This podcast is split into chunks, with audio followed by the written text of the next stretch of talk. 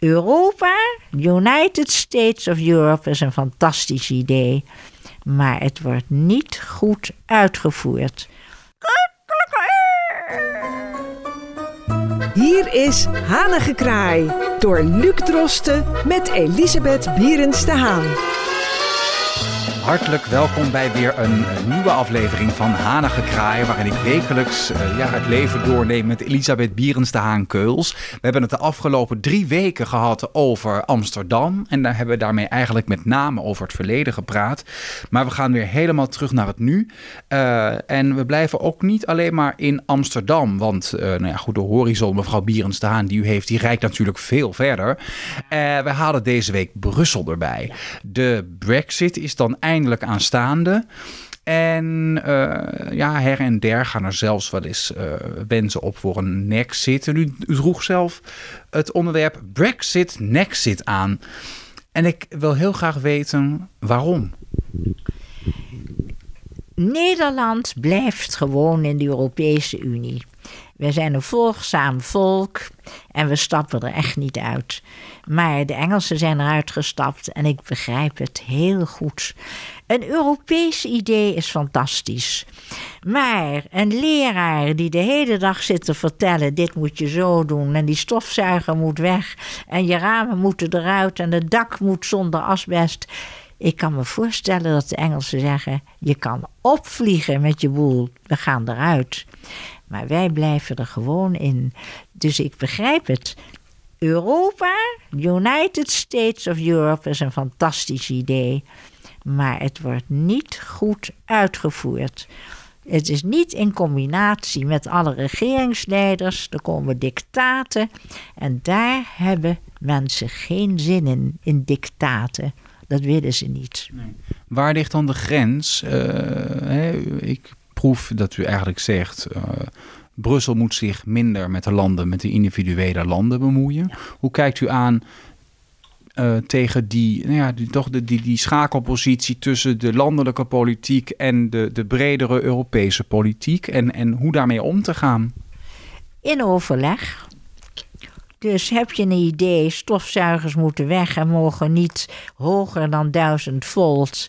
En eh, we moeten dit soort stofzuigers en we moeten deze ramen en we moeten dit en we moeten dat. Allemaal heel leuk, maar doe het in overleg. Kijk of het haalbare dingen zijn. Iedereen heeft opeens een waterpomp. Mijn hele blok hier, ik kijk natuurlijk op al die balkonnetjes vanuit mijn raam. Allemaal hebben ze een waterpomp. Nou, en dan zeg ik, why? Dat is, uh, ja, de mensen in paniek brengen van stel voor dat dit inderdaad allemaal nodig zou zijn. Brussel moet zich niet opwerpen als een soort dictator. Brussel is een initiatiefnemer voor een verenigd Europa en doet dat in overleg met gezagdragers, met de leiders van Europa, om tot goede beslissingen te komen waar de burger geen last van heeft. Dus nu denkt de burger, ze jagen ons weer op kosten. En dat is de kreet die ik om mij heen hoor. En daarom heeft Engeland gezegd: we gaan eruit. Het is een beetje ongelukkig geworden, pardon. Maar ik denk eind goed, al goed. Ik heb er begrip voor. Nederland doet dat niet, is volgzaam, maar laat Brussel zich minder autoritair opstellen. Dat is mijn devies. En wat is uw uh, ja, uh, visie op uh, de toekomst van Groot-Brittannië en de aansluiting met Europa, of misschien juist het gebrek daaraan? Nee, dat gaat goed. Dat gaat heel goed. Uh, de Engelsen zijn door de eeuwen heen goede handelspartners. Ze, zijn, uh, ze hebben de zeeën bevaren. Ze hebben tradities. Ze zijn uh, begaafd. Schilders. ze muzici. Ehm, ik vind het een krachtig land. En dat zal het zeker blijven. Zonder dat uh, Engeland betutteld wordt. Het gaat heel goed met Engeland. Ik zie dat heel goed gaan. Alle vertrouwen in. Wat maakt dan dat het uh, voor de Engelsen begrijpelijk is en dat het prima zal aflopen in uw visie, maar dat het toch met Nederland een andere kwestie is? Ja, met Nederland is een hele andere kwestie. De structuur van het land is anders. De Engelsen zijn, eh, hebben, pardon, hebben tradities. Engeland is, is eh, krachtig door de eeuwen heen. Nee, Nederland is volgzaam, blijft rustig en zal wat morren. En men zal zeggen, het kost ons geld en we moeten nou ons hele huis weer, alle ramen eruit en nieuwe ramen, dubbele ramen erin. En anders komt er een inspecteur en krijg je boete. Het is eh, die uh, rol van Brussel wordt wel aanvaard met, met een beetje kritiek.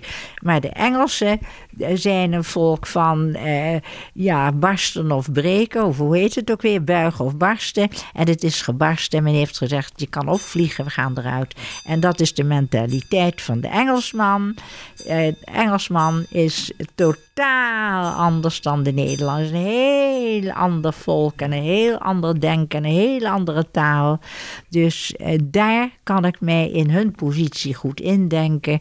En Nederland blijft rustig in die Europese Unie. En toch zijn er ook genoeg Nederlanders die er heel graag uit willen. Waar komt dat sentiment vandaan? Wat missen die mensen? Of ja, waar zijn ze bang voor? Ze zijn bang voor dat het allemaal de kosten bij de burger gelegd wordt. Ze zijn bang dat het te groot wordt. Ze zijn bang dat, uh, ja, dat de arme landen die er ook in komen, dat uh, we worden gelijk getrokken met de arme landen. We worden er armer van. Dat zijn allemaal kreten die je hoort. En toch blijven rustig in die Europese Unie. Nou, dat uh, klinkt uh, heel erg stabiel. En uh, op die noten gaan we het afronden. U boorde net al kort het onderwerp aan ehm, waterpompen. Ja. Dat is een mooie aanleiding om het volgende week wat uitgebreider te hebben over duurzaamheid. Leuk. En ik zie er naar uit om daar uw visie op te horen. Beste Luc, dat gaan we de volgende keer helemaal uitdiepen. Duurzaamheid. Het nieuwe woord, het modewoord, duurzaam. Tot volgende week. Tot volgende week. En dank je zeer.